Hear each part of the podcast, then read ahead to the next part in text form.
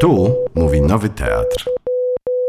Dobry wieczór Państwu. Będziemy powoli zaczynać e, spotkanie, na które zapraszamy w imieniu e, Nowego Teatru, Nowej Księgarni i Wydawnictwa Charakter. A spotkała nas dzisiaj wszystkich książka zatytułowana Tysiąc lat radości i trosk, wspomnienia. Autorem tej książki napisanej w języku angielskim jest chiński artysta Ai Weiwei, który no, niestety nie mógł być dzisiaj z nami, ale pozdrawia serdecznie. E, I chciałbym, byśmy na początku powitali naszych znakomitych gości. Są z nami dr Małgorzata Rediga, sinolożka, znawczyni Chin. Dobry wieczór. Dobry wieczór wszystkim, dzień dobry. I krytyk sztuki Karol Sienkiewicz. Dobry, wieczór.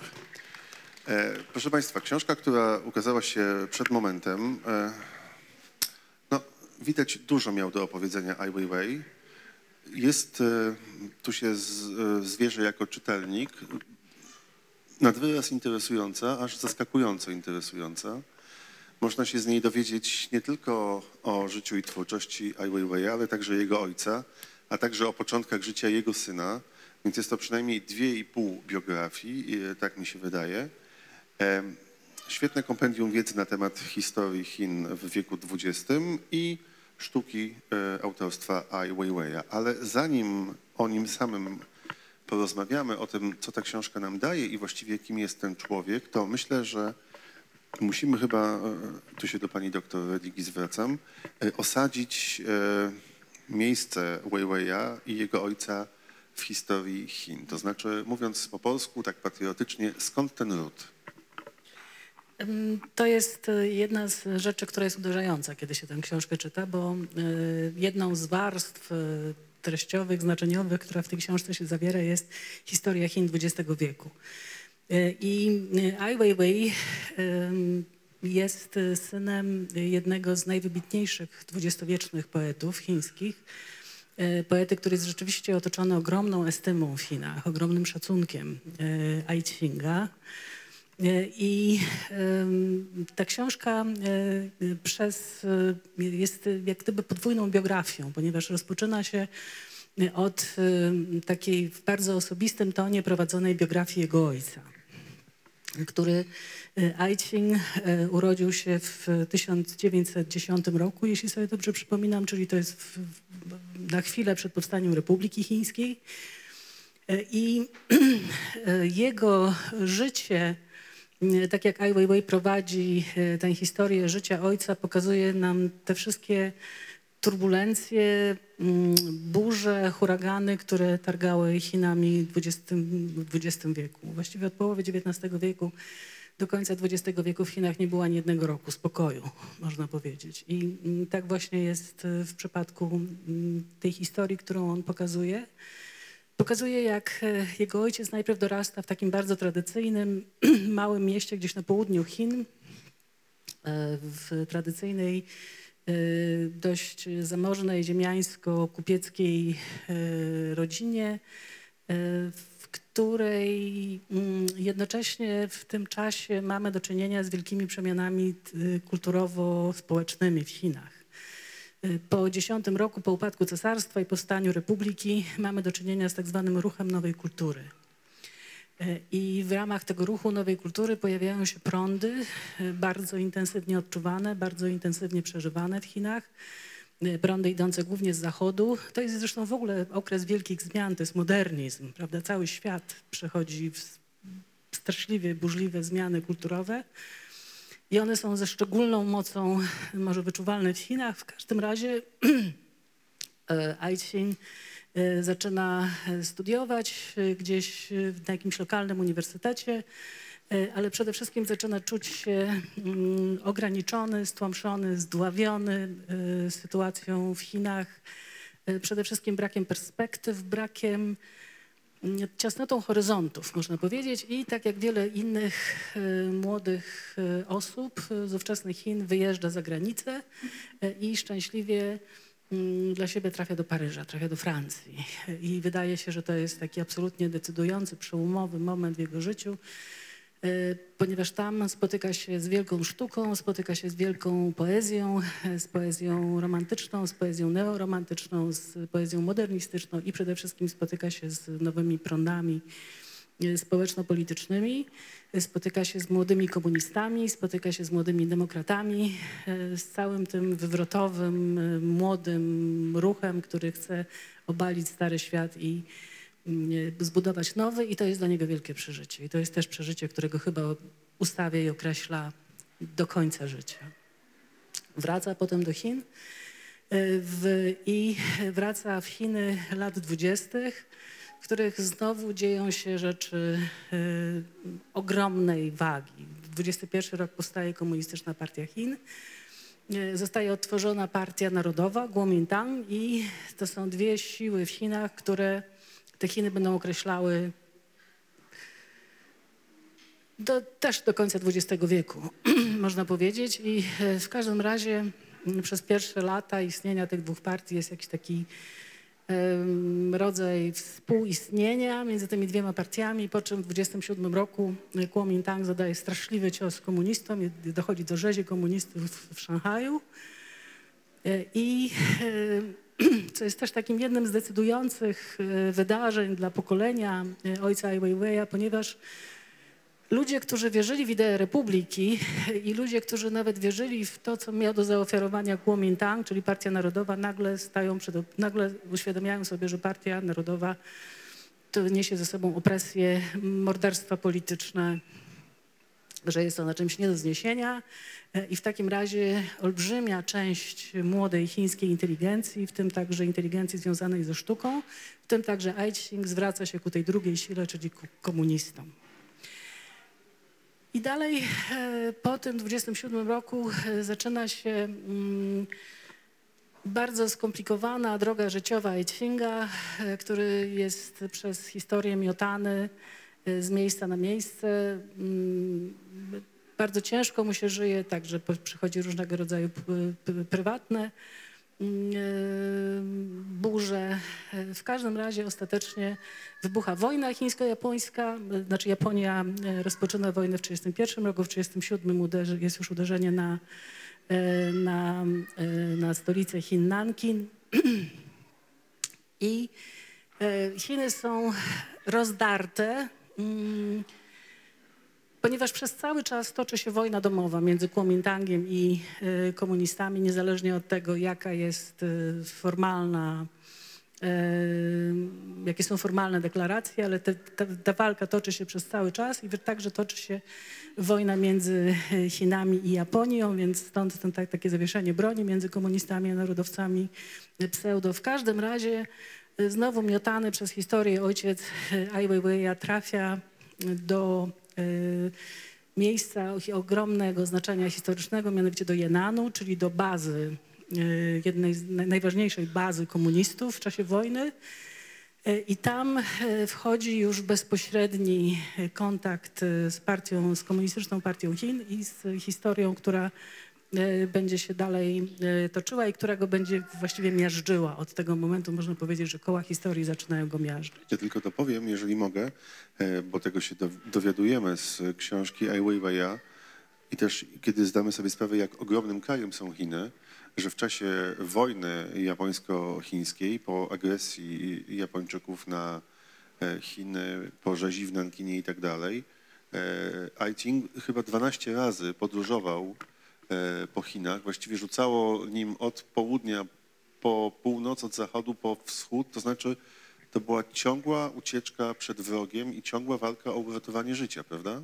Tak jest, no i to, to jednocześnie e, ja tutaj zapomniałam powiedzieć o pewnym drobiazgu, mianowicie poczynając od e, Paryża, Aiching zaczyna, się, zaczyna się spełniać jako poeta. On zaczyna pisać wiersze e, i mm, między innymi tym, co go ukształtowało jako e, poetę, były właśnie jego doświadczenia paryskie, ponieważ on czuje się poetą mówiącym w imieniu mas, poetą mówiącym w imieniu ludu, poetą mówiącym w imieniu skrzywdzonych.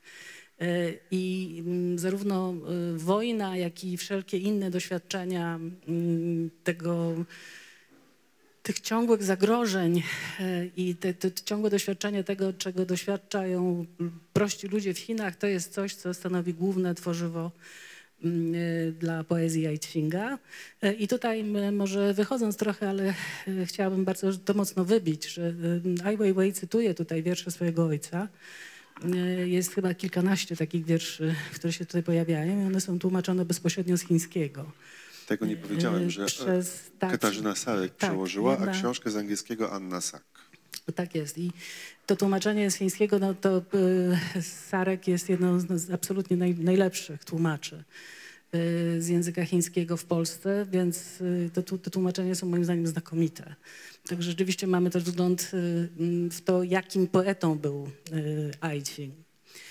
Y, I tak jak zaczynam mówić, że zaczyna się Poczynając od Jenanu, y, mamy do czynienia z takim zderzeniem ym, y, Aicinga z tą rzeczywistością, która y, będzie kształtowała Chiny przez najbliższe 50 lat, mianowicie z, mm, z partią komunistyczną, która bierze Chiny w swoje, swój żelazny uścisk i, i to dzieje się już w Jenanie, kiedy po raz pierwszy w Jenanie dochodzi do e, takiej niezwykle ważnej mm, z politycznego i kulturalnego e, punktu widzenia e, zdarzeń, mianowicie jest to takie forum dyskusyjne, tak to się nazywa, forum dyskusyjne na temat literatury i sztuki. I jest to seria wykładów, wystąpień Mao Tse-tunga, który już w zasadzie przejął niemal całkowitą kontrolę nad, nad KPH, w której on podporządkowuje literaturę i sztukę polityce i czyni z literatów, e, z artystów em, właściwie narzędzia służące do propagandy. To jest do, oczywiście Czyli to jest trochę tak bardziej... jakby w Polsce zjazd literatów w Szczecinie, tak? To No znaczy... coś, coś, Mhm. coś, coś takiego, tyle, że w Chinach to jeszcze należałoby pom- pomnożyć przez 10. E, I tutaj po raz pierwszy Aiching e, zostaje postawiony, mm, jak- jakby uświadamia sobie, e, czym e, jest, e, jaka będzie jego rola jako poety w tych nowych Chinach. Przy czym e, Ai Weiwei trzeba powiedzieć, że pisze bardzo subtelnie. E, Cała ta biografia e, jego ojca, niektórzy twierdzą, że to jest najlepsza część książki. W każdym razie rzeczywiście on opisuje przeżycia ojca w sposób niezwykle subtelny mm, i pokazuje też między innymi to, co jest chyba typowe dla literatów, którzy są zderzeni z tego rodzaju reżimami, jak reżim maoistowski w Chinach. To jest ta, jakaś taka próba negocjacji e, emocjonalnej, moralnej, duchowej, że ci ludzie usiłują się jakoś dogadać z tą władzą, czy, czy zaakceptować e, tę władzę, mm, żeby się odnaleźć w tej rzeczywistości, żeby się nie dać kompletnie zmiażdżyć. W każdym razie w trakcie e, w zaczyna się pojawiać też już pęknięcie między, między przedstawicielami sztuki a partią.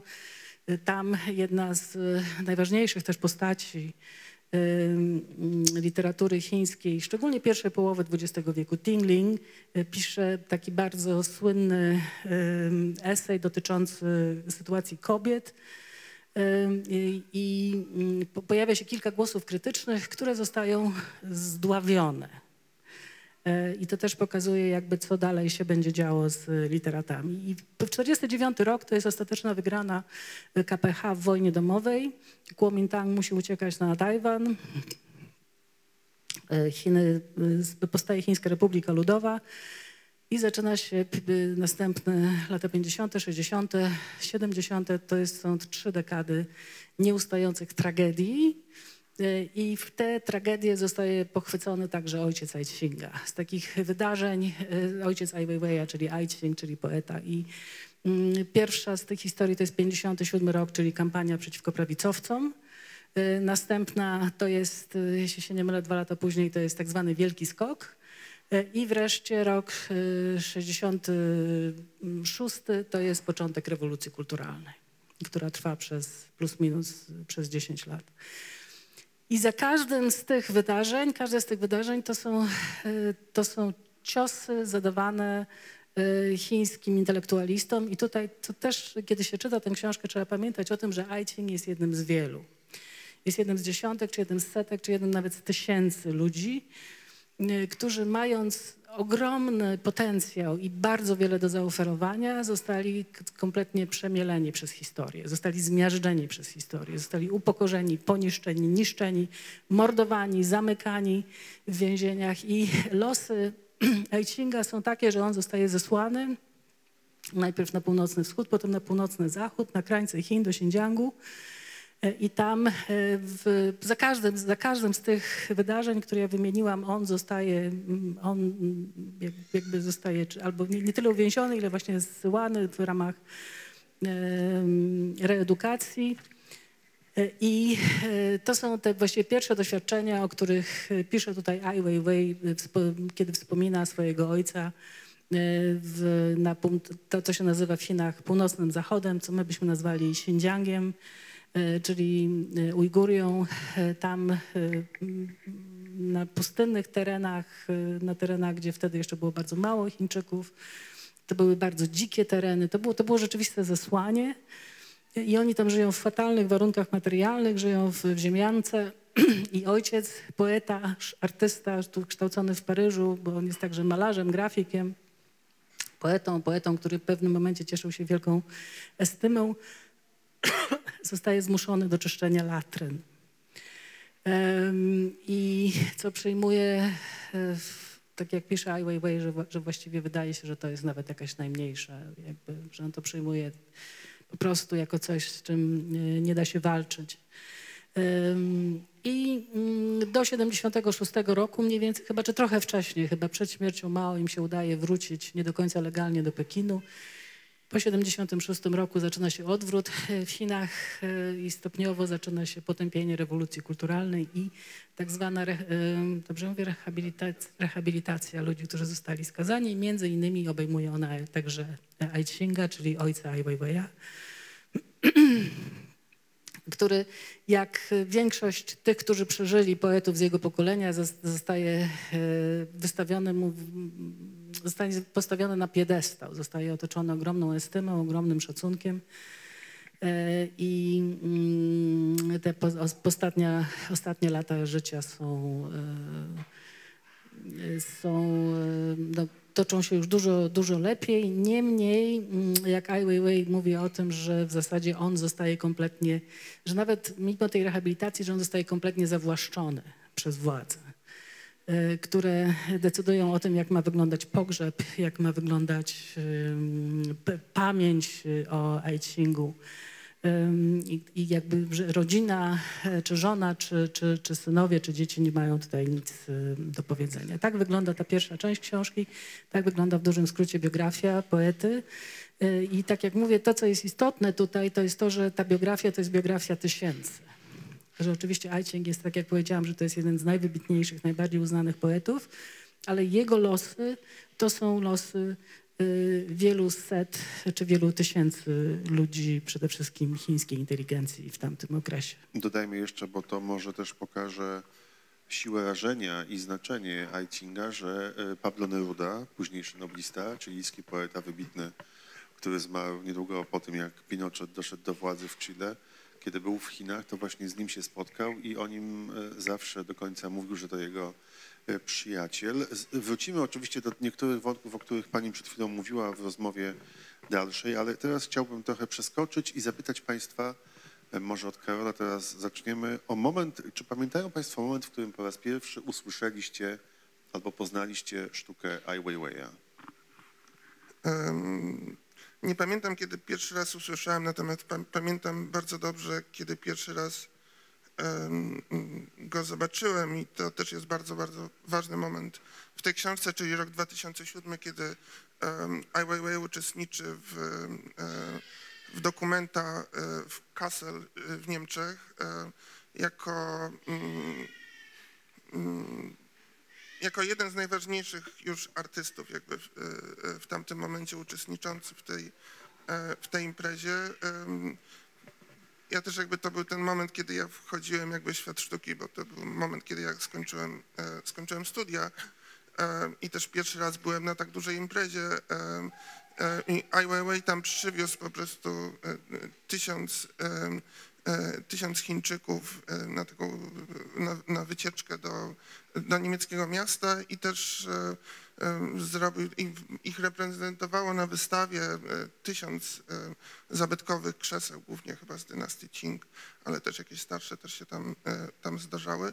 E, I zrobił też taką rzeźbę z, zabytkowych e, e, ram okiennych i e, i drzwi, e, która też w trakcie tego, zaraz po otwarciu e, tej wystawy e, została zniszczona przez burzę, więc ona istniała później jako taki destrukt. On zaakceptował ten e, element tej działania przyrody.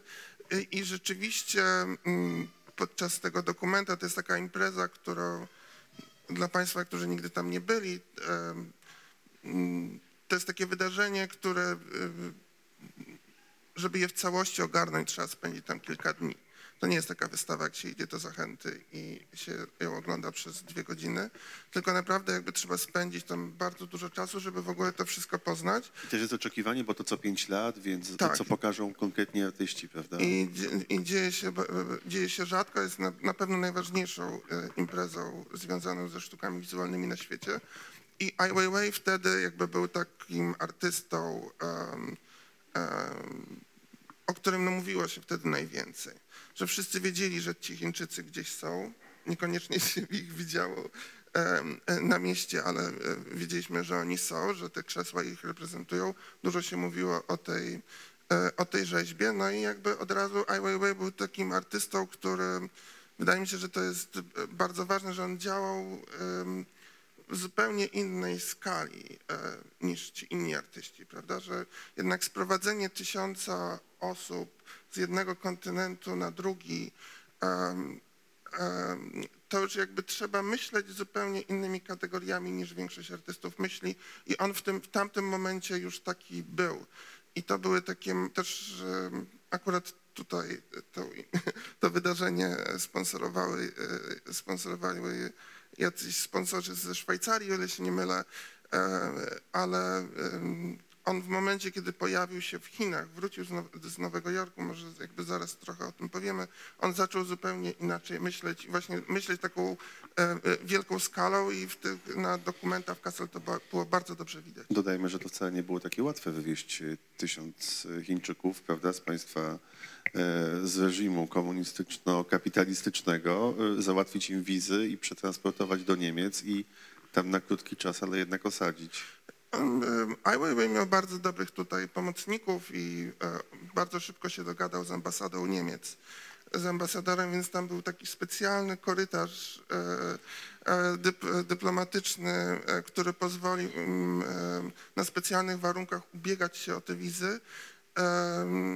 To dokumentuje bardzo dobry film, bo te wszystkie działania, on też w pewnym momencie stał się dokumentalistą i ten film, taki dwugodzinny film dokumentujący to działanie o wiele lepiej e, to wyjaśnia niż, e, e, niż to, co było widać na, na, na, samej wystawie. Zresztą te wszystkie filmy są bardzo łatwo dostępne na YouTubie, bardzo łatwo to, to sobie obejrzeć. No to było 16 lat temu, ale jeszcze dopytam cię na zakończenie twojej wypowiedzi teraz. Jakie na tobie to zrobiło wrażenie, jeżeli w ogóle ta sztuka Ai Weiwei'a wtedy? Znaczy właśnie przede wszystkim to robiło wrażenie tą, em, tą skalą i, em, em, i takimi możliwościami, które on w ogóle e, wtedy, e, wtedy miał i też nawet taka, jak sobie pomyślimy, że jak znaleźć w Polsce czy w jakimkolwiek kraju europejskim tysiąc zabytkowych krzeseł, i sobie kupić, prawda? Krzesła, które mają po kilkaset lat.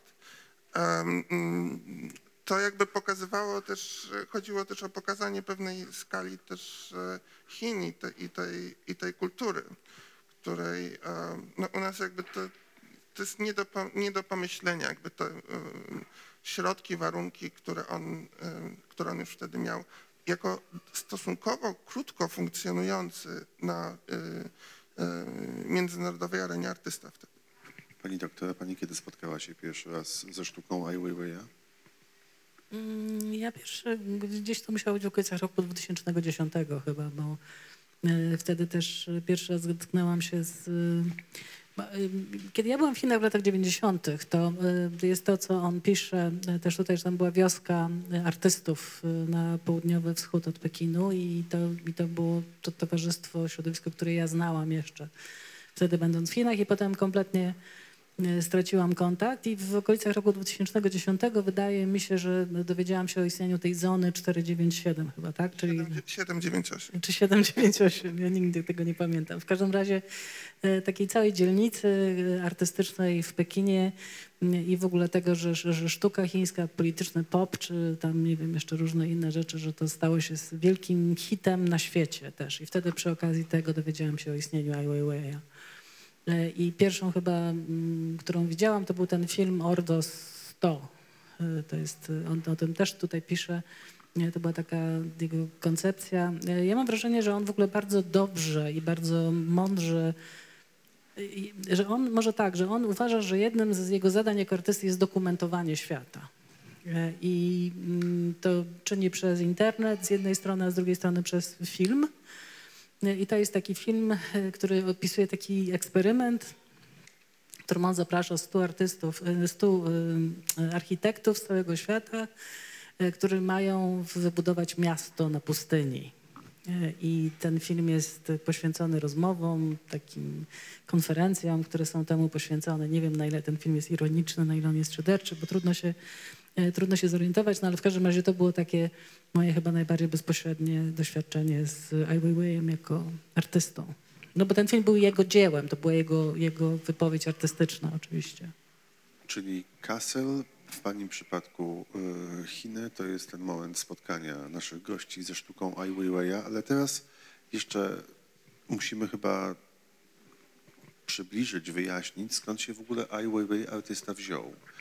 To jest też, e, o czym Pani już wspominała przed chwilą i do tego chciałbym wrócić, bardzo ważne, by mieć świadomość, no, że on właściwie przez e, całe życie dorastając tułał się po Chinach ze swoim ojcem. Rodzina trochę żyła wspólnie, trochę w rozbiciu, bo matka z drugim dzieckiem przebywała w Pekinie. On tam był z ojcem, był świadkiem tego, jak e, Aiching rozbijał te zamarznięte pod lodem latryny i, i po prostu no, widział, jak poeta, człowiek sztuki musi sobie z takimi rzeczami radzić. Pokonywali kolejne etapy tego zesłania.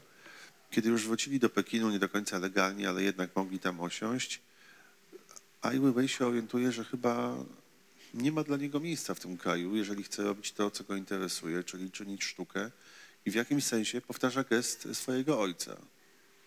Mm, Tak, ale też e, wydaje mi się, że on miał też e, w jakimś sensie mm, w dobrym momencie się urodził. To znaczy, gdyby urodził się 10 lat wcześniej, e, jego biografia byłaby o wiele bardziej e, dramatyczna, bo prawdopodobnie byłby w Czerwonej Gwardii, byłby zesłany na redukację w około 70 roku i dopiero wtedy mógłby zaczynać studia. A on jakby oczywiście jakby doświadczył tych wszystkich upokorzeń swojego ojca i w Xinjiangu, i w Heilongjiangu, ale e, gdy przyjeżdża do, do Pekinu e, pod koniec lat 70., em, to już są otwarte uniwersytety i już może zacząć studia, prawda? To mniej więcej w tym wieku, w jakim się zaczyna studia. E, I idzie do szkoły filmowej. Zresztą w tym samym momencie w tej szkole studiują te piąte czy piąte pokolenie, e, czyli między innymi Yimou, ci najbardziej znani dzisiaj chińscy reżyserzy i to też jest jakaś cecha jego e, osobnicza. On po prostu tej szkoły nie kończy, on nie kończy żadnej szkoły. Tutaj, jeśli można, chciałam coś wtrącić, bo to jest bardzo ciekawy moment, który moją uwagę zwrócił, że jest y, dla jego pokolenia, dla części ludzi z jego pokolenia pewien charakterystyczny rys. To jest rys takiego ciągłego, takiego głębokiego cynizmu z jednej strony, a z drugiej strony takiego niezakorzenienia. Prawda, Że on idzie do tej szkoły, ale nie bardzo wie po co. Że on ma właściwie pogardę dla, dla, dla szkoły, dla nauczycieli, dla, dla, dla wszystkich tych struktur. Tak, że i, i to jest coś, co jest charakterystyczne. To, to, to jakaś taka takie, mówiąc ordynalnie, olewactwo, coś, coś takiego. I on właśnie mając szansę jedną na milion, można spokojnie powiedzieć, on ją traktuje, on ją właściwie wyrzuca po prostu, nie, nie jest zainteresowany kompletnie. A, a z drugiej strony też udaje mu się w tym momencie, on jednocześnie bierze jakieś lekcje malarstwa u znajomych swojego ojca udaje mi się załapać na, e, na wystawę, na tak zwaną wystawę gwiazd, która, jakbyśmy dzisiaj na to spojrzeli artystycznie, to było zupełnie nieciekawe, ale to, było, e, to była pierwsza demonstracja czegoś, co moglibyśmy nazwać sztuką współczesną w Chinach. E, e, Jak Państwo przeczytają tą książkę, to on też niespecjalnie się chwali tym, co tam pokazał. On tam pokazał po prostu akwarele. Był, był początkującym malarzem, pokazał tam akwarele i e, e, też jakby w chińskiej sztuce e, to- jest absolutnie przełomowy moment, bo to jest moment, kiedy w ogóle coś takiego sztuka współczesna się w Chinach pojawia w takim znaczeniu zachodnim. Ale też oni po prostu tak nadrabiają zaległości po tych dziesięcioleciach odcięcia od, e, e, od kontaktu ze światem, więc ta sztuka przełomu lat 70., 80. w Chinach jest naprawdę e, mm, przezabawna wręcz. Na przykład, e, który, i polega to w dużej mierze na pewnym takim nadrabianiu zaległości i fascynacjami, rzeczami z zachodu, e, e, które już na zachodzie były w jakimś sensie przebrzmiałe. Na przykład było dużo malarstwa, które naśladowało Salvadora Dali, albo nagle pojawiały się obrazy, które były jak Andrew Wyeth. E, e, Dużo, dużo popartu i on rzeczywiście jakby na początku e, w tym bierze udział, ale za swoją dziewczyną wyjeżdża do, do Stanów Zjednoczonych. Tam też w żadnej szkole, do której chodzi, bo próbuje i w Berkeley, i w Nowym Jorku, mu się nie udaje dłużej zatrzymać.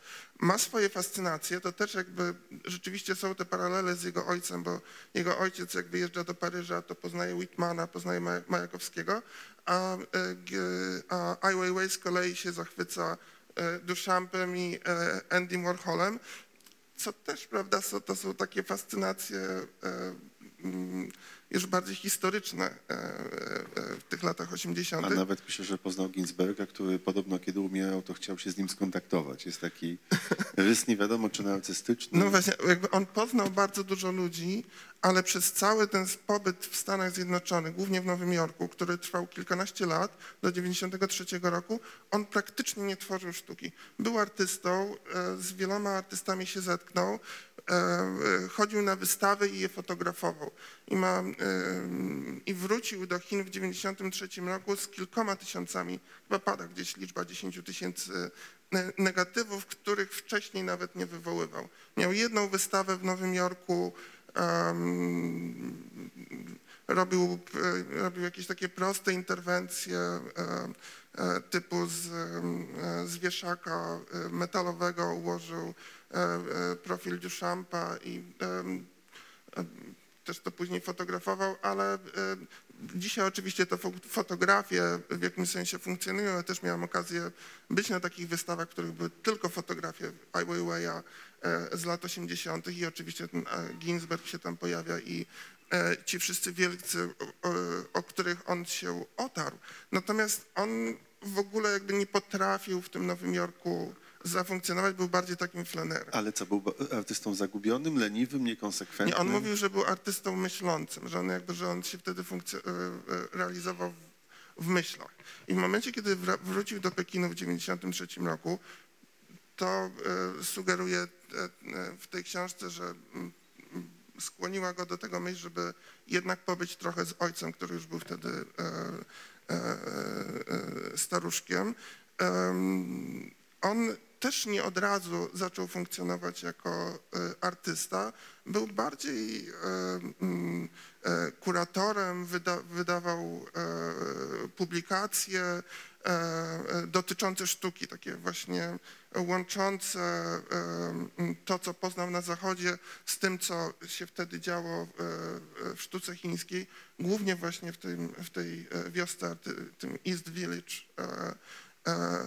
w Pekinie, próbował jakby tych chińskich artystów wpisywać w ten, e, w ten kontekst. Z dnia na dzień, nie wiadomo jak, stał się nagle architektem. E, I jakby i tutaj zaczęło się to, o czym trochę mówiłem wcześniej, to znaczy Chiny e, podarowały mu w jakiś sposób e, swoje możliwości, których nie miałby e, zostając na, e, na Zachodzie. I jedną taką możliwość to był e, dostęp do e, e, do antyków, do zabytkowych e, e, przedmiotów, e, którymi e, między innymi handlował, znał się na tym bardzo dobrze jego brat. I stąd właśnie pojawiły się te wszystkie prace, e, w których wykorzystywał nawet mające po 2000 lat e, Wazy. wazy. Niektóre tłukł po niektóre prostu w brutalny sposób. I powoli, e, i też w połowie lat 90. zaczął robić mm, e, pracę z, z antycznych mebli, które właściwie wykonuje, wykonuje do dzisiaj i zbudował swoje studio i zaczął pracować jako architekt. I też tutaj takim bardzo ważnym momentem są jego spotkania z, e, jednak e, e, z kuratorami zachodnimi. E, Hans van Dijk się pojawia przez moment, to była taka, taka osoba, która niestety bardzo wcześnie zmarła, ale bardzo dużo zrobiła dla tego środowiska pekińskiego, ale też Uli Zik, który wydaje mi się, że Ai Weiwei nawet niewystarczająco mocno podkreśla w tej książce jego rolę. Uli Zik niezwykle ciekawa postać, bo pojawiająca się w Chinach od końca lat 70.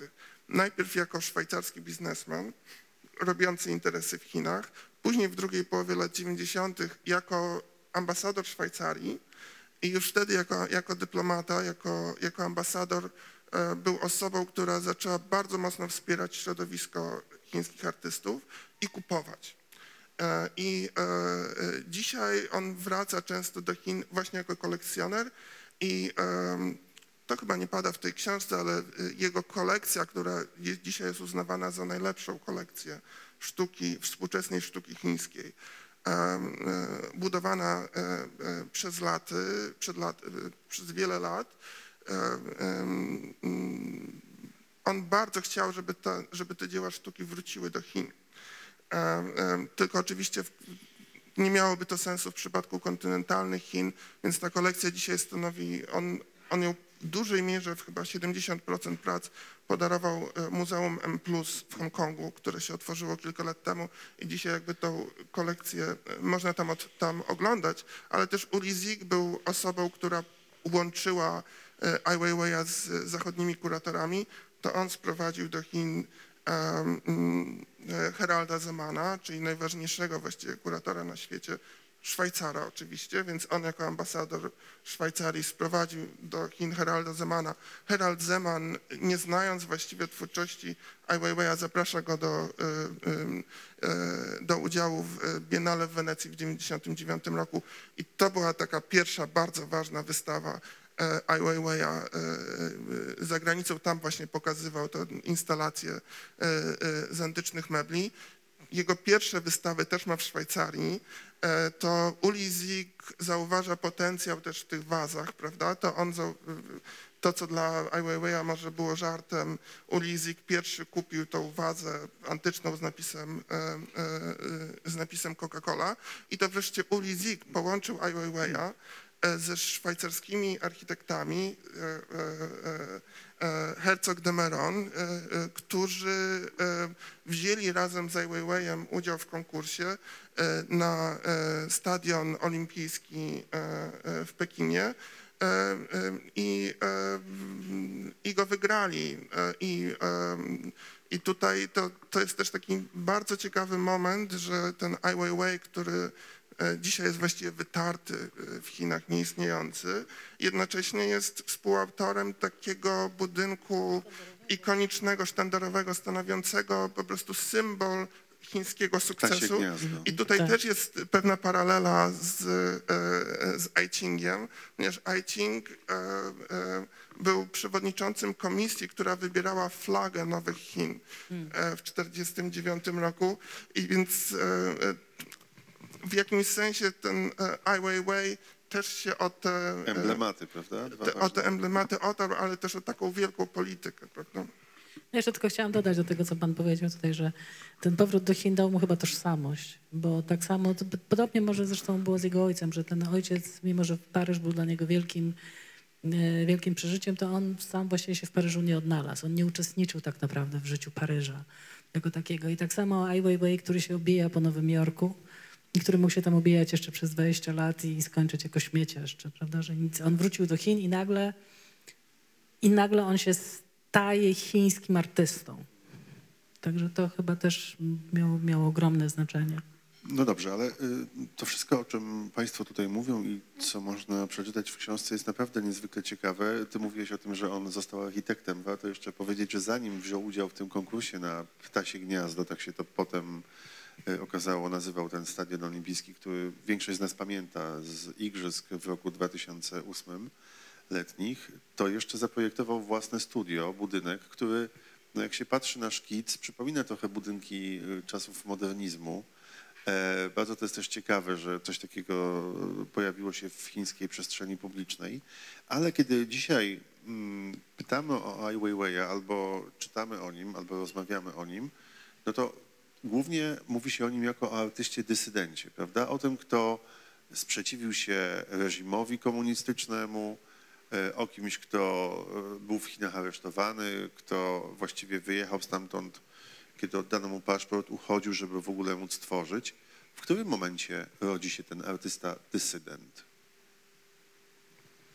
Mm, Ja, ja na podstawie tej książki sądząc powiedziałam, że są dwa takie momenty. Dla mnie uderzające było to, że pierwszym takim momentem odkrycia swojej odpowiedzialności y, są Stany Zjednoczone właśnie, gdzie on bierze udział, czy jest obserwatorem, czy bierze udział y, jakim, nie pamiętam już dokładnie, jaki to był kontekst, w każdym razie jakiegoś zderzenia z, z policją, jakichś demonstrantów.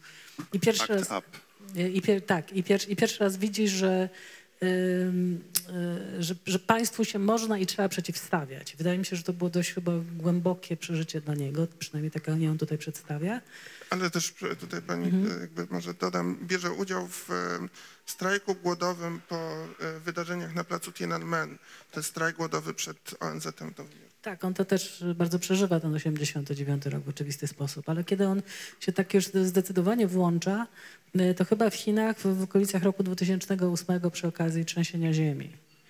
Mm, On przeżywa, oczywiście pamięta też trzęsienie ziemi z 76 roku, które właściwie całe miasto mm, y, tam zrównało z ziemią. Y, I to wielkie trzęsienie ziemi jest w 2008 roku w, w Syczuanie. E, I to, e, i on wtedy pierwszy raz chyba bierze na siebie taką rolę e, mówiącego w imieniu tych, którzy nie mają głosu. I tutaj przede wszystkim chodzi mu o, o skandale zwią- o, związane z korupcją w budownictwie. I to, że używa się jakichś naj, najtańszych, najgorszych materiałów do, do budowy i że na skutek tego e, zawaliły się szkoły e, i zginęło dziesiątki tysięcy dzieci. To bardzo aktualny temat w kontekście ostatniego te, trzęsienia tego, co się wydarzyło w Turcji. prawda? Tak jest. I on rozpoczyna taką wielką akcję, organizuje wokół siebie,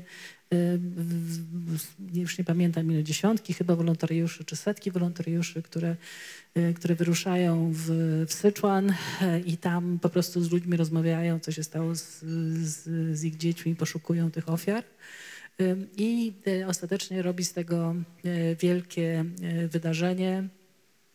To jest też, też okres, w którym on włącza się w, bardzo aktywnie w działalność internetową na chińskim Twitterze i on rozpoczyna taką wielką akcję, której zadaniem jest właśnie y, y, danie głosu tym wszystkim ludziom, którzy, którzy zostali do, dotknięci przez, y, przez to trzęsienie ziemi i co jednocześnie budzi ogromny niepokój i ze strony władz. I on wtedy chyba pierwszy raz się pojawia w taki zdecydowany sposób na radarze chińskich władz. No właśnie, to jest bardzo ciekawy moment. E, Mówię to jako czytelnik e, i osoba, która poznała historię tej rodziny dzięki książce, że niezależnie od tego, jak możemy oceniać jego sztukę, prawda, czy ona nam się podoba, czy nie, to jednak ten gest oporu budzi e, przynajmniej szacunek.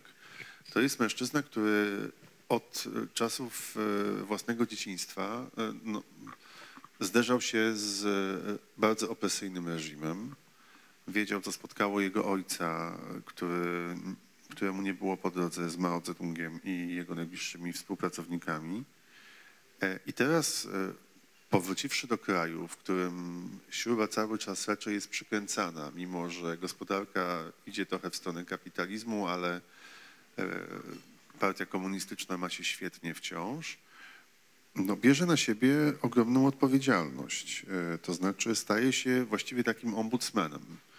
E, Osobą, która walczy o prawo głosu rodziców tysięcy dzieci, które zginęły.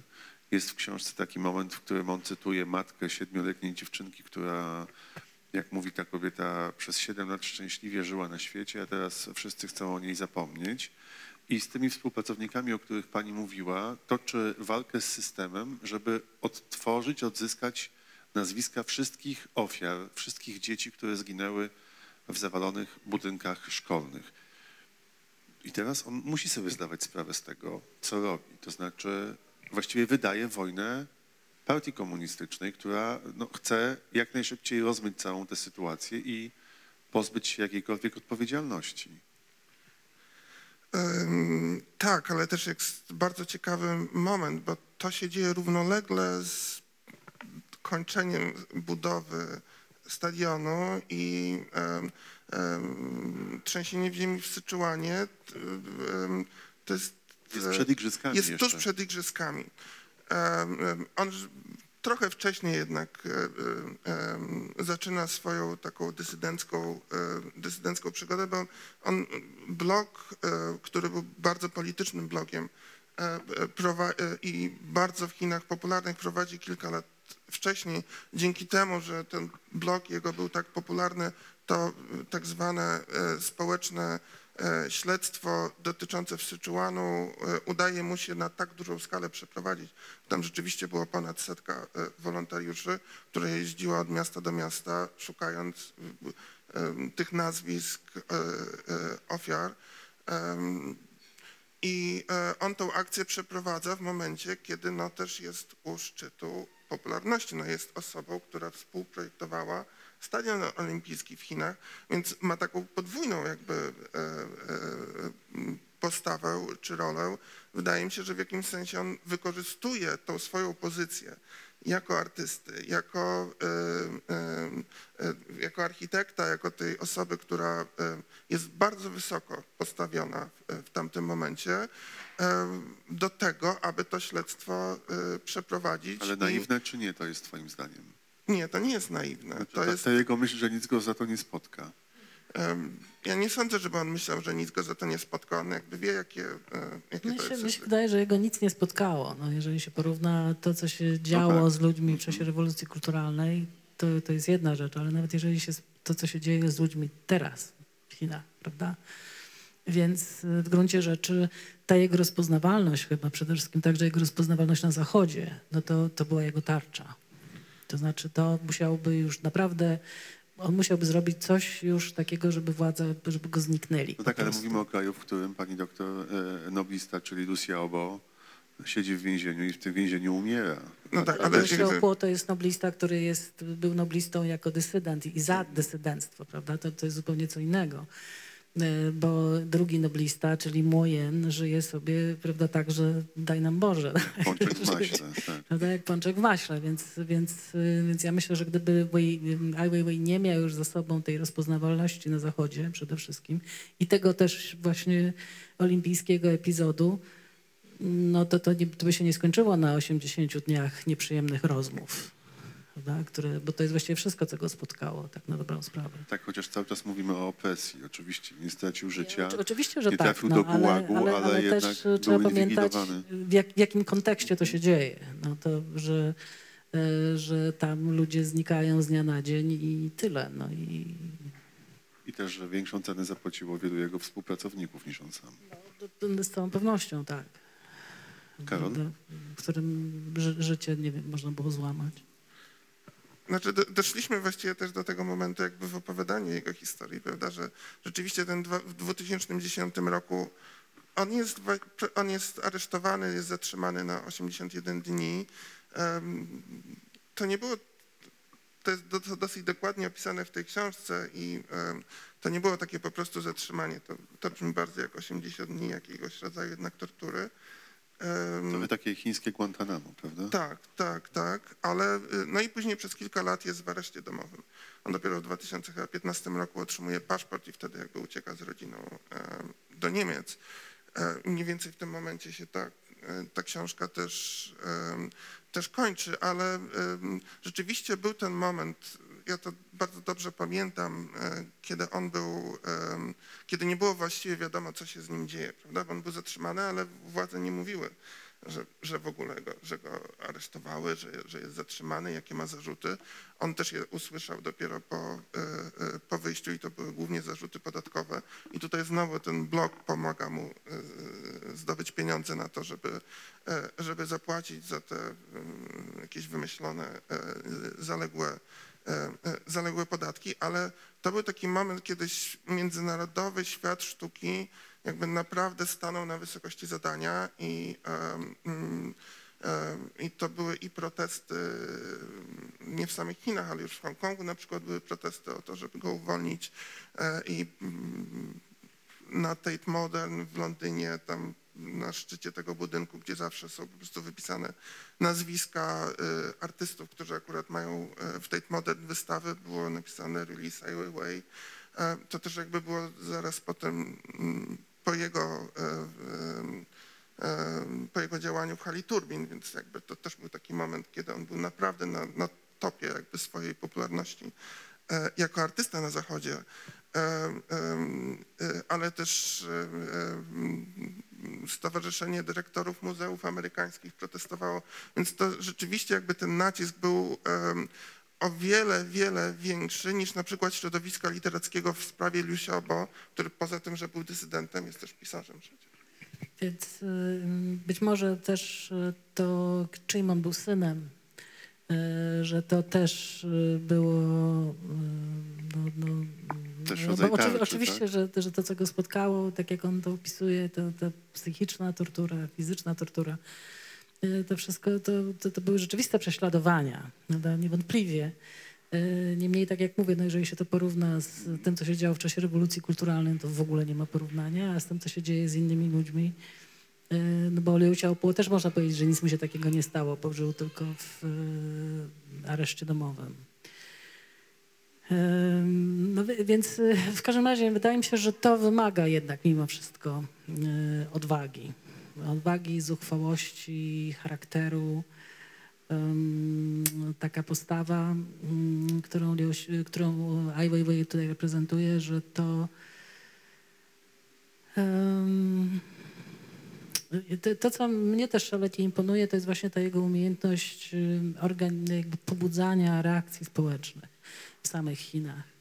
Yy, Już nawet to, że, że jego społeczeństwo ocaliło, prawda, ponieważ on dostał jakąś do zapłacenia nie, nieprawdopodobną, kosmiczną, astronomiczną sumę za jakoby niepłacone podatki, którą 15 tam, juanów. Tak. którą tam w dość krótkim czasie zos, zostało zebrana przez po prostu przez, przez, przez ludzi. Którzy, kto on twierdzi, że wszystkim te pieniądze ostatecznie przez lata potem spłacał i spłacił, że ten Bo jak się długi- bierze pod uwagę, ile kosztują jego prace, to wydaje mi się, że to nie było problematyczne dla niego, żeby później to dosyć szybko spłacić. To było chyba około miliona dolarów. Ale y, skoro jesteśmy przy tym momencie, to jest ciekawe. Też mi się wydaje i warto o tym powiedzieć, o wpływie, jeżeli on ma faktycznie miejsce, wtedy, kiedy jeszcze mieszkał w Chinach, Ai Weiwei'a na chińską codzienność i na społeczeństwo. To znaczy, e, jak go postrzegano właśnie jako działacza opozycyjnego, jako kogoś, kto zachęca do działania przeciwko partii i tym wszystkim błędom i wypaczeniom? Czy to była reakcja ludzi, którzy interesowali się jego sztuką? E, Właściwie w jakiej roli można by go osadzić w tym społeczeństwie wtedy? W Chinach na pewno był ważniejszy jako dysydent, jako, jako osoba, która inicjowała te akcje społeczne. Na Zachodzie, gdyby był po prostu jakimś chińskim aktywistą, nikt by o nim nie wiedział. Więc jakby ta jego pozycja jako artysty dawała mu widzialność jako aktywisty. Teraz bym chciał zapytać Państwa jeszcze o to, jak Ai Weiwei jest e, Waszym zdaniem postrzegany.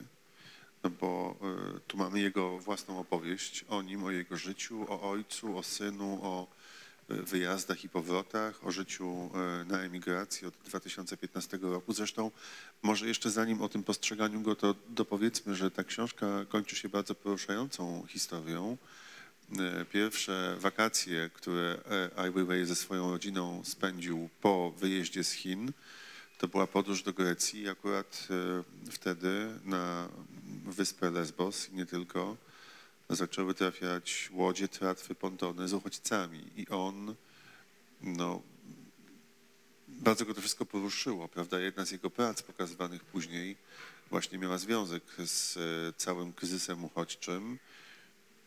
I myślę, że nie każdy e, artysta, zwłaszcza mający taką przeszłość jak on, byłby w stanie w tak e, istotny sposób zareagować na to. Ja myślę, że on dokładnie wiedział, dlaczego jedzie na Lesbos. Jakby w tą historię akurat e, nie do końca wierzę, że on po prostu to zobaczył, będąc tam na wakacjach. On w pewnym momencie, zresztą jeszcze będąc na, em, em, w tym areszcie Czyli domowym, zakładasz interesowność czy nie, cynizm nie bardziej? interesowność, tylko po prostu, że on pojechał tam, żeby już to nagrywać. On z pewną, z pewną, z Mhm. Działania- świadomością. Mhm. On y, już jakby będąc jeszcze w Pekinie zaczął w areszcie domowym zaczął robić takie y, prace, które mm, dotyczyły w ogóle więźniów politycznych, jakby takiej bardziej y, w takim globalnym e, w takim globalnym ujęciu. Ja miałem okazję akurat być na takiej wystawie, którą on też wspomina w tej książce, w więzieniu Alcatraz w San Francisco, gdzie, e, gdzie on, właściwie cała wystawa była poświęcona, poświęcona temu i tam kilkadziesiąt e, dysy- więźniów politycznych z całego świata były reprezentowanych przez portrety zrobione, e, e, zrobione w klockach Lego. I on teraz też jakby w momencie, kiedy przyjechał do Europy, zaczął się zajmować tymi sprawami e, akurat kryzysem, kryzysem uchodźczym. Nie mówię, że jakby, że to jest interesowne, mówię jakby to, że, że ten jego zainteresowania też się, też się gdzieś zmieniały, że to wokół tego kryzysu uchodźczego no, bardzo długo się tym zajmował. To było szereg prac, film dokumentalny, który właśnie między innymi tam, tam kręcił. Zresztą bardzo różnie to było przyjmowane. No potem jeszcze obłożył kolumny, prawda, kamizelkami ratunkowymi, tak, tak. więc wszystko to...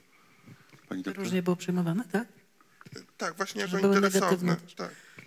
Mi się wydaje, że y, to jest. mm, Ja mam takie dwie refleksje na, na koniec już chyba tego wszystkiego. Po pierwsza jest taka, że ta jego książka jest moim zdaniem znakomita.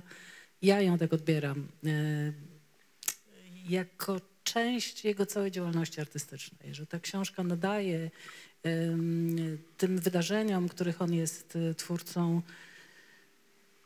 nawet nie to, że komentarz, bo to może byłoby za płytko powiedziane, ale ona jakby jest pewnym uzupełnieniem tego, że ona współgra z tym wszystkim, co on, co on tworzy jako artysta. To jest jedna rzecz. A druga rzecz to jest a propos tego, co pan zapytał, czy ten odbiór. Mi się wydaje, że odbiór na zachodzie Ai Weiwei'a też nie był wcale jednoznaczny. I że y, był taki wątek... y, Ja nie, nie, nie, nie wiem o krytykach sztuki, ale wiem na pewno wśród sinologów, że był taki wątek zarzucający mu kreowanie się na męczennika, mm, na bohatera i, i że tak naprawdę to w jakimś sensie ta jego działalność wewnątrz Chin, ta działalność dysydencka jest świadomym, ym, ym, to, to były świadome posunięcia obliczone na zyskanie publiczności zachodniej. ale mówią to sinolodzy, którzy nie mieszkają w Chinach i nie, nie, nie, nie przebywają tam na co dzień, prawda? I nie spotkali się z represjami. No trudno powiedzieć. No, to, to cze- część osób, y, mogę powiedzieć tyle, no bo też y, sinologowie jednak bywają w Chinach i wiedzą, co się w Chinach dzieje. Y, Ale jednak wydaje mi się, że chodzi tutaj o to, że, że, że był jakiś rodzaj, na pewno w Chinach, na pewno w Chinach i także na Zachodzie był jakiś taki rodzaj podejrzliwości wobec Weiwei'a. Może, może tak podejrzliwości co do, jego, co do jego intencji, co do czystości jego, jego sztuki. I moim zdaniem ta książka mm, być może jest odpowiedzią na to też, ponieważ ta książka mnie osobiście przekonała bardzo. To znaczy mi się wydaje, że, y, że sposób, w jaki on pisze o tym, co robi, y, mnie jakby wiele rzeczy uświadomiła dotyczących jego działalności, jego sztuki i moim zdaniem to jest, to jest, to jest naprawdę wartościowa taka rzecz, będąca częścią całości jego działalności. Tak, i też myślę, że na Zachodzie nie zawsze były czytane te chińskie konteksty. E, Tak, tak w pełni. Nawet jakby to, jak on wyjaśnia, skąd się biorą te pestki słonecznika, prawda, które wy- wyprodukował do, y, do hali turbin w Tate Model, czy jakby skąd się biorą te, y, y, te antyki w, y, w jego pracach, to zawsze jakby ta książka jakby dostarcza tego jednak chińskiego kontekstu i tej tożsamości jakby, o której, o której pani mówiła. Natomiast jakby to postrzeganie Ai Weiwei'a jako takie interesowne, wydaje mi się też, że jest bardzo obecne w samych Chinach. No więc właśnie, mi się wydaje, że w Chinach jest taki, taka podejrzliwość. Przez jakiś czas Zhang Yimou był tam był też, że, że to są artyści, którzy działają tak naprawdę na zachód i którzy gotowi są źle mówić o Chinach, ponieważ to się sprzedaje na zachodzie.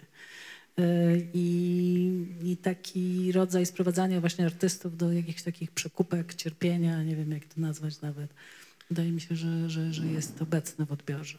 Takiej też, ja mam, ja miałem jakby przy lekturze tej książki też takie pewne y, wątpliwości, czy, czy myśli, że czy Ai Weiwei jest taki w 100% szczery. E, e, Właśnie przy okazji tego, e, po pierwsze przy okazji stadionu, kiedy on jakby, on nie mówi, że jakby nie ma wątpliwości, jakby on mówi jakby wprost, że jakby, że e, nie żałuje tego, że, jakby, chciał to zrobić i że chciał to zrobić i bardziej jakby ma, ma, e, ma jakieś wyrzuty do władz chińskich, że zrezygnowały z rozsuwanego e, dachu nad tym stadionem, który on tam zaprojektował. E, Więc e, ja miałem takie pewne oczekiwanie, że on będzie miał jakieś, Refleksje. jakieś refleksje na temat tego, że, że, że jednak brał w tym udział. A po drugie, w tej książce nie ma ani słowa o tym, jak on buduje swoją pozycję rynkową e, e, jako, jako artysta. Nie pada tutaj nigdzie nazwa jego galerii prywatnych, e, które no, od ponad 20 lat handlują jego sztuką. Te wszystkie rzeczy tak się w pewien sposób jakby same wydarzają, prawda, że on mam pomysł, Ma sprowadzę, na sprowadzę tych ty, tak. tysiąc Chińczyków do, do kasel i nagle znajdują się na to pieniądze.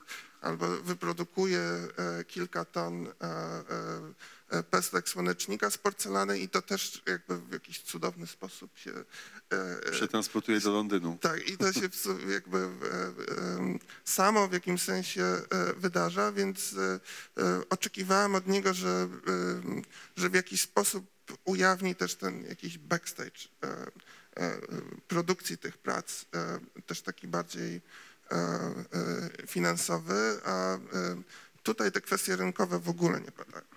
Jeszcze dwa cytaty, jeżeli Państwo pozwolą, zanim skończymy. E, Jeden to jest taki moment, w którym on opisuje proces e, mężczyzny, który e, zastrzelił sześciu policjantów, którzy wcześniej e, okrutnie go potraktowali. E, Ai Weiwei pisze, gdy nic nie ogranicza władzy państwowej, a sądownictwa nikt nie monitoruje, kiedy zataja się informacje przed opinią publiczną, pozbawia się społeczeństwo ostoi sprawiedliwości i moralności, zepsucie władzy sądowniczej to zewnętrzny objaw bankructwa moralnego ogółu obywateli, blizna oszpecająca epokę, w której żyjemy. To jest jakieś moim zdaniem uniwersalne spostrzeżenie, które także w Polsce odczytywane może e, mieć znaczenie. I jeszcze PS do tytułu tej książki, żeby było wiadomo o co chodzi. Tysiąc lat radości i trosk zniknęło bez śladu. Żywi niech żyją najlepiej jak mogą i nie oczekują, że ślad po nich jakiś pozostanie. To jest e, fragment wiersza, bardzo bliskiego Ai Weiweiowi. E, Chciałem na koniec ode mnie zapytać Państwa, czy Waszym zdaniem on już nie ma czego szukać w Chinach? Ty mówiłeś, Karol, że on jest właściwie skreślony, jeżeli chodzi o e, obecność na rynku sztuki i w ogóle w świadomości społecznej. Na rynku sztuki nie do końca, bo on jest Aha. reprezentowany przez pekińską galerię Tang Art Contemporary i chyba nawet e, w 2015 czy 2017 miał tam swoją e, indywidualną wystawę i to był, jest jedyny wyjątek w jakimś sensie. E, Oni, oni też mają, e, mają swoje e, siedziby w Hongkongu, Seulu chyba i Bangkoku i tam on jest wystawiany, ale to jest pekińska galeria. Mm, I Natomiast to musi być za zgodą władz? to musi się odbywać na pewno ze zgodą, ze zgodą władz. Jeżeli galeria nie, nie jest urząd cenzorski po prostu jak kiedyś w Polsce, dokładnie tak samo to działa. Jeżeli prywatna galeria nie pokaże swojej wystawy, to dostaje karę. E, I em, e, po pierwsze, Ai jest wyczyszczony z chińskiego internetu. Tutaj ten chiński firewall świetnie działa, więc jakby najbardziej jak się wpisze Ai Weiwei, to po prostu odpowiedzią jest pustka. Jakby nie ma żadnych wyników. To raz. Ja bywałem w Chinach przez kilka lat dosyć regularnie przed pandemią. Em, I w tym czasie pracę Ai Weiwei widziałem raz w jednej prywatnej kolekcji. Natomiast rzeczywiście funkcjonują jego budynki, prawda? Jest ten stadion, jest e, e, jakieś drobniejsze rzeczy, które, e, które, które projektował, między innymi w, w Nankinie, ale też w, w Jinhua, skąd pochodził jego ojciec. On zbudował e, tam e, e, przede wszystkim ten pomnik, który jest poświęcony Aicingowi. On pisze o tym też w tej książce i może jak się czyta tą książkę, to się wydaje, że to jest po prostu pomnik. To jest ogromna, monumentalna realizacja nad brzegiem rzeki, ale rzeczywiście jakby tego Ai Weiwei'a Chinach nie ma. No, jeśli chodzi o internet, on jest obecny na Twitterze. Stosunkowo często, chociaż wydaje mi się, że w porównaniu z tym, co, co, co on pisze o tej swojej działalności tam na, na, na Weibo, czy na czym on tam działał, to, to on tam pisze raz na kilka dni, także dużo rzadziej. Bo, bo jest też kilka takich istotnych nazwisk chińskich, które funkcjonują na Twitterze, więc ja mam wrażenie, że oni chyba są taką siecią głównie dla siebie, bo on pisze, o ile mi wiadomo, to wyłącznie po chińsku na Twitterze, czyli że on się komunikuje tylko z, albo z diasporą, albo z ludźmi, którym się chce przeskoczyć przez ten firewall. No ale chyba nie wróci, nie ma po co wracać. Czy, czy, czy myślą Państwo, że tak się zmieni sytuacja, że będzie mógł na stare lata wrócić do ojczyzny? Ja myślę, że to jest zawsze ryzykowne, no bo też my wiemy, co się wydarzy za pół roku.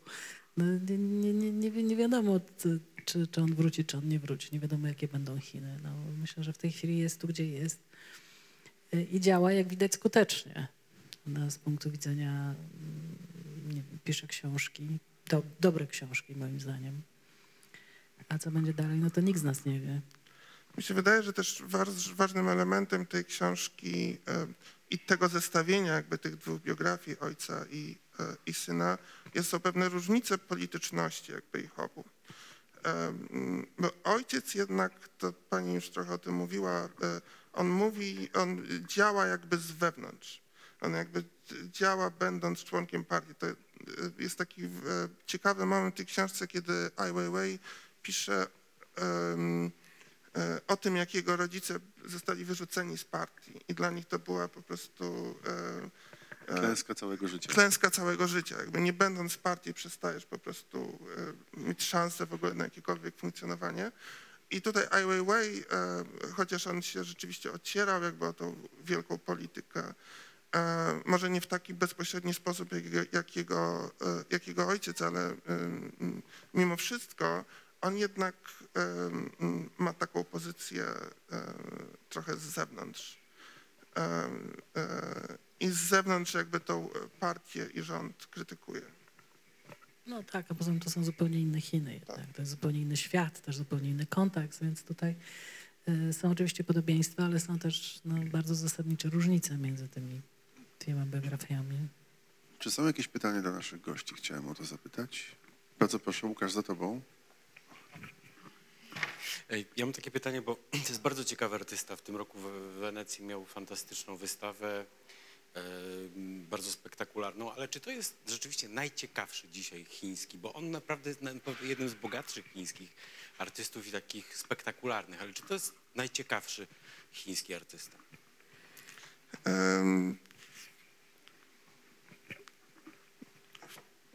Nie potrafiłbym powiedzieć jakby ci wprost, no jakby odpowiedzieć, kto jest najciekawszy, ale rzeczywiście w tym momencie jest, jest bardzo wielu bardzo, e, e, bardzo ciekawych artystów, natomiast e, z Chin. Natomiast zmieniła się zupełnie jakby taka sytuacja polityczna i instytucjonalna, w których jakby ci artyści e, e, e, w Chinach funkcjonują. Tutaj Ai Weiwei trochę pisze o tym na samym końcu, na samym końcu książki, kiedy, kiedy krytykuje zaangażowanie zachodnich instytucji, zachodnich muzeów w, w to, w, w życie kulturalne w Chinach, ponieważ e, dzisiaj e, e, Chiny przeżywają jakiś totalny boom muzealny. W ciągu powiedzmy ostatniej dekady, może trochę więcej, zwłaszcza w dużych miastach, takich jak Szanghaj, po prostu w ciągu roku potrafi się otworzyć tych instytucji kilka. To jest trochę ten mechanizm, który Ai Weiwei opisuje w tej książce, kiedy w, w Szanghaju buduje swoją drugą pracownię. E, e, em, I zostaje przez lokalne władze do tego, e, do tego namówiony. E, I trochę tak to się dzieje też, też w Chinach, że ten, e, ten boom jest bardzo, e, e, jest bardzo wspierany przez władze i te zachodnie instytucje też jakby biorą w tym udział. Na przykład w Szanghaju dwa czy trzy lata temu otworzyło się e, e, muzeum, które e, jest filią Saint Pompidou E, i, i pokazują tam pracę po prostu z, e, z kolekcji, zarabiając oczywiście ogromne pieniądze, bo Chińczycy płacą tutaj Francuzom za to e, e, ogromne pieniądze, ale ci Francuzi też wiedzą, że nie wszystko e, e, e, mogą w tych, e, e, mogą w Chinach pokazać. Chiny też są ogromnym rynkiem. E, e, Nawet polskie galerie bardzo dobrze e, sprzedają dla, dla chińskich kolekcjonerów. Są też oczywiście targi sztuki, gdzie wszystkie zachodnie galerie biorą w tych targach udział i ze względu właśnie na to, jak duży, jak duży jest, to, jest to rynek, jak bardzo chłonny, jakie ogromne pieniądze jakby tam są. E, Bo te wszystkie instytucje, o których mówię, e, to są głównie jakby prywatne, prywatne muzea. E, e, I w tych prywatnych muzeach jakby też em, mówiłem jakby o tej kolekcji Uliziga, e, tej sz- szwajcarskiej. e, No ona nie przypadkiem jakby wylądowała w Hongkongu, prawda? Ponieważ tych rzeczy, które on e, e, e, tam, e, e, które ma w swojej kolekcji, one po prostu nie mogłyby być pokazane e, e, w samych Chinach. Natomiast jakby trochę odszedłem od twojego pytania. e, Jest e, mnóstwo artystów którzy, chińskich, którzy robią mniej kontrowersyjną sztukę i, e, i cały czas jakby mm, e, moim zdaniem są, e, e, są super ciekawi i też bardzo zakorzenieni jakby w chińskiej kulturze, jak powiedzmy e, Xu Bing, który e, robi mnóstwo prac związanych e, e, e, z chińskim językiem, ale też trochę młodsi, jak e, e, Cao Fei czy em, Mm, No, jeszcze funkcjonują oczywiście ci wszyscy artyści z, e, z tej East Village, e, Chang Huang, e, mm, naprawdę super artysta. No i jest mnóstwo oczywiście chińskich, chińskich malarzy, którzy też mają jakby ten swój rynek, głównie w Chinach. E, Osiągają ogromne kwoty te e, ich produkty. W ogóle ciekawe, a propos Francuzów, o których mówiłeś, tutaj trochę pożyczą do Szanghaju, tutaj do Dubaju i tak zarabiają na wypożyczaniu sztuki, którą mają we własnym posiadaniu. Wiedzą, gdzie są Ale to nie są tylko Francuzi, to są wszystkie kraje zachodnie. No to akurat tak, no to Saint Pompidou, tam Louvre, prawda, więc to się jakoś tak I tutaj jakby na sam, ta książka się kończy tym zarzutem, Mhm. prawda? On e, kończy to zarzutem wobec e, tych zachodnich instytucji, e, że w jakimś sensie, może nie, nie na- nazywa tego wprost, ale oskarża je o Mhm. rodzaj kolaboracji. Czy ktoś jeszcze chciałby o coś zapytać? No dobrze, jeżeli nie ma pytań, to bardzo Państwu dziękujemy za to, że byli z nami dzisiaj. Tak jak powiedziała pani doktor Religa, ja się pod tym podpisuję, myślę, że Karol też jest to naprawdę bardzo dobra, dobrze napisana książka, zaskakująco wręcz, można powiedzieć, która jest nie tylko kompendium wiedzy na temat twórczości Ai Weiwei'a i jego ojca, ale także taką opowiedzianą przez losy konkretnej rodziny historią Chin, tych współczesnych i też bardzo wiele można z lektury wynieść i się dowiedzieć. Tysiąc lat radości i trosk wspomnienia. Małgorzata Religa i Karol Sienkiewicz. Bardzo Państwu dziękuję za spotkanie Dziękujemy. I Państwu też, że byli z nami.